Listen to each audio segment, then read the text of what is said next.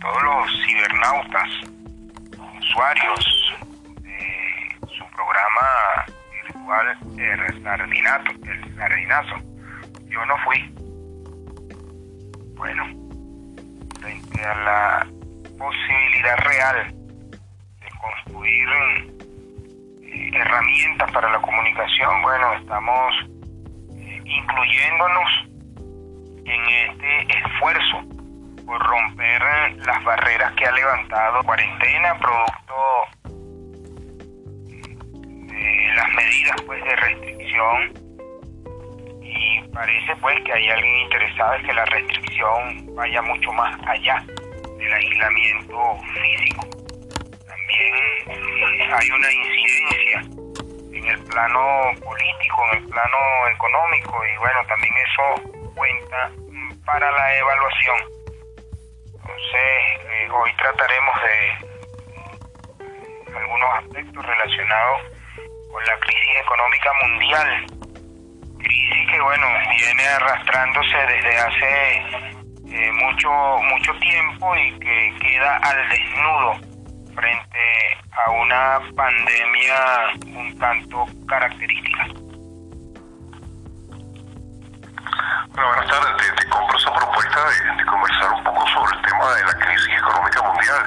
En esta primera parte me parece a mí que nuestra civilización en este momento ha fracasado rotundamente dada la disparidad de fuerzas que acuden en un planeta donde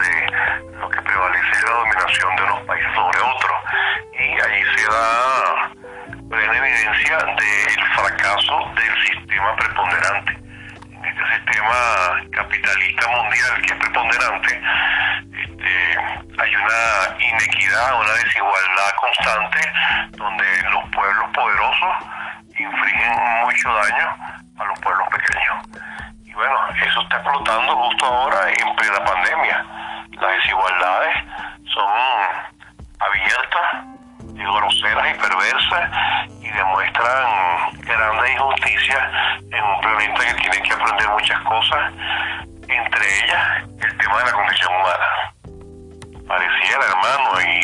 que te lo diga en estos momentos, hemos fracasado como especie humana. Yo pienso que es una pregunta que hay que hacerse directamente al grano. Me parece que la respuesta viene dado en eh, apoyar este fracaso. Hemos fracasado realmente como especie. Tenemos un parangón en la historia de la humanidad.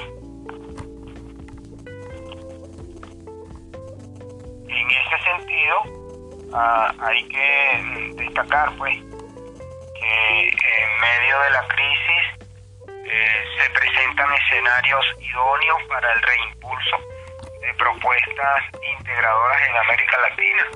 Ahora, frente a esta situación de crisis mundial, es que nosotros vamos a comenzar a valorar esfuerzos como el ALBA, esfuerzos como eh, Petrocaribe, esfuerzos como eh, UNASUR, que fueron esfuerzos y siguen siendo esfuerzos eh, producto de, de, declarar esta parte eh, de América como un continente con rostro propio, con voz propia, con cultura propia, con economía propia y por supuesto eh, eso solo se puede lograr a través de la unidad.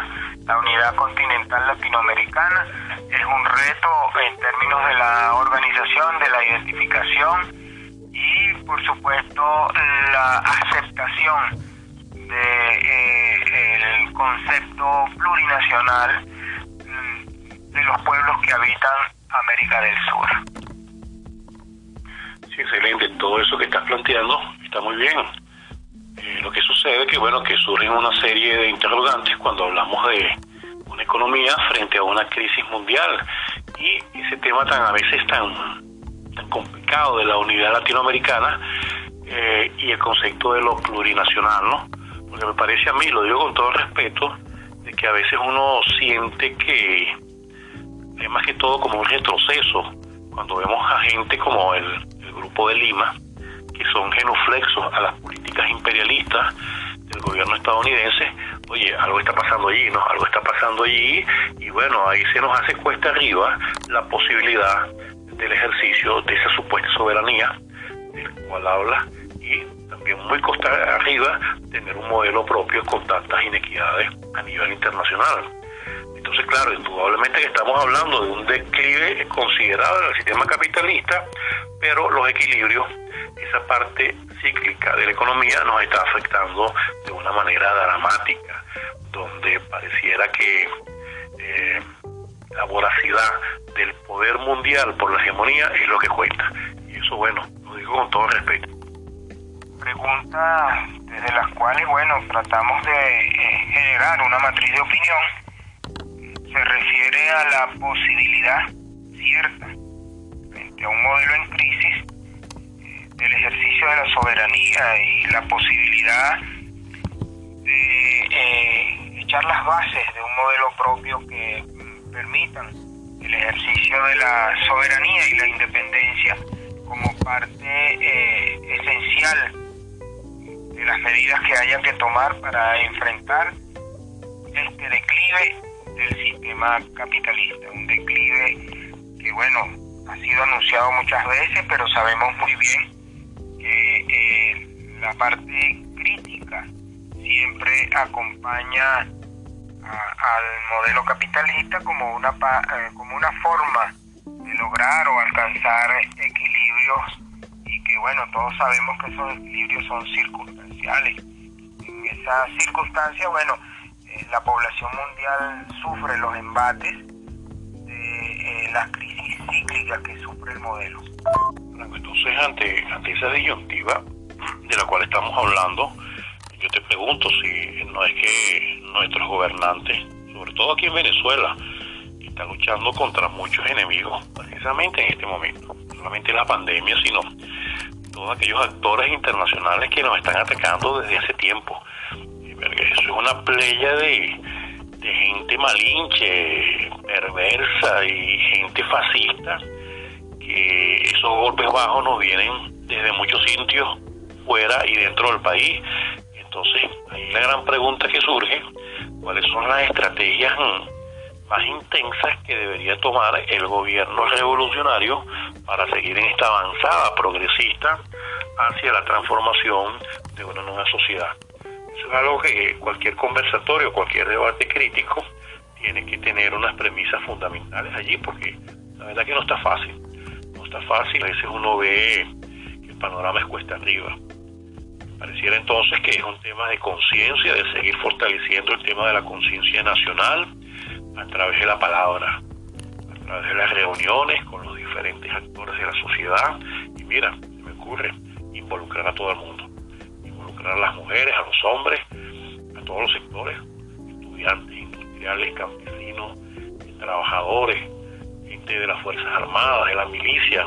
Es que aquí hay que hacer un esfuerzo gigantesco, si te pones a ver, Franco y eso, bueno, eso supone una gran tarea para los próximos años.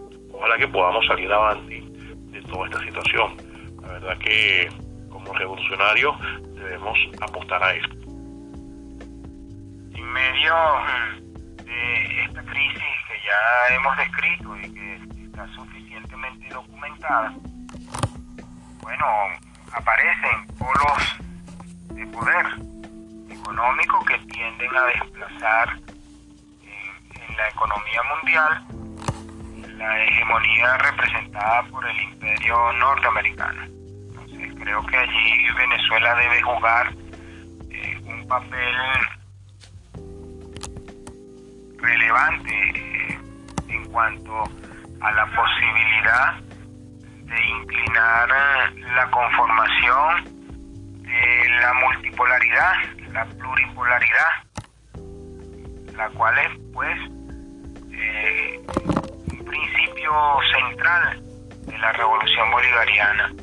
Allí Venezuela debe estar eh, atenta frente a cada movimiento y determinar exactamente eh, hacia qué posición debe jugar, porque no podemos tampoco pecar de iluso pensando en cambiar un imperio por otro, un modelo mm, explotación y de dominación por otro.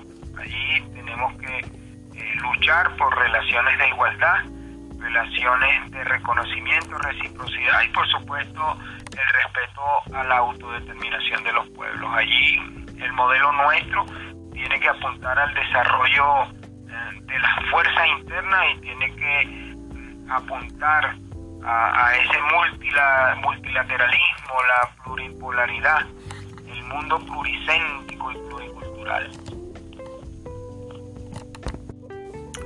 Bueno, en todo caso, ya para ir cerrando el programa del día de hoy, hoy 6 de mayo del 2020, en el programa El Sardinazo Yo No Fui, que pretende sentar un debate crítico en la sociedad de cuál debe ser el rumbo de este proceso en virtud de lo que ha venido pasando en las últimas semanas. ¿no?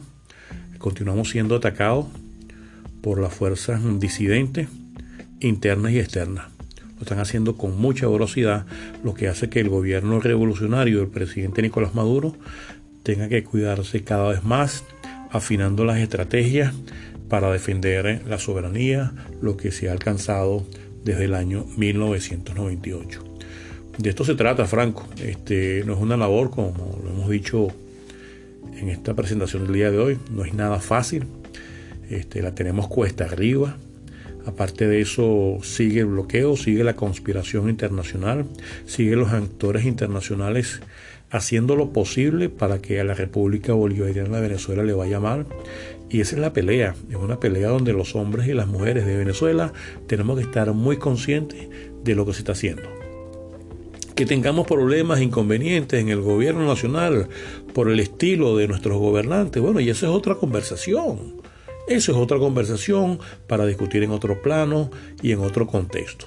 Mientras tanto, estamos defendiendo la patria y para eso no hay excusa, incluso de la gente que nos opone. El presidente Maduro lo ha dicho muchas veces, estamos trabajando en el marco de la paz social, de las negociaciones, los entendimientos y los acuerdos. De eso se trata. Entonces le pedimos a la audiencia que consideren estas deliberaciones. La idea es seguir aportando para seguir transformando esta sociedad en el marco de la paz social. Y bueno, los que creemos en la revolución, en el legado de Chávez, eh, en ese formidable trabajo que se ha hecho, a pesar de las diferencias y las dificultades y los errores, aquí se está construyendo una patria. Y lo vamos a seguir haciendo y no podemos tolerar ningún enemigo que nos quiera aplastar por las malas. Hay un marco legal, hay una jurisprudencia, hay normativas y hay procesos electorales que tienen que cumplirse. Bueno, estuvieron con ustedes hoy aquí el compañero, compa y amigo Henry Franco, quien es un cuadro político y tiene experiencia a través del análisis de la coyuntura. Este, bueno, y mi persona, David Morales Cabrera, el 40.482.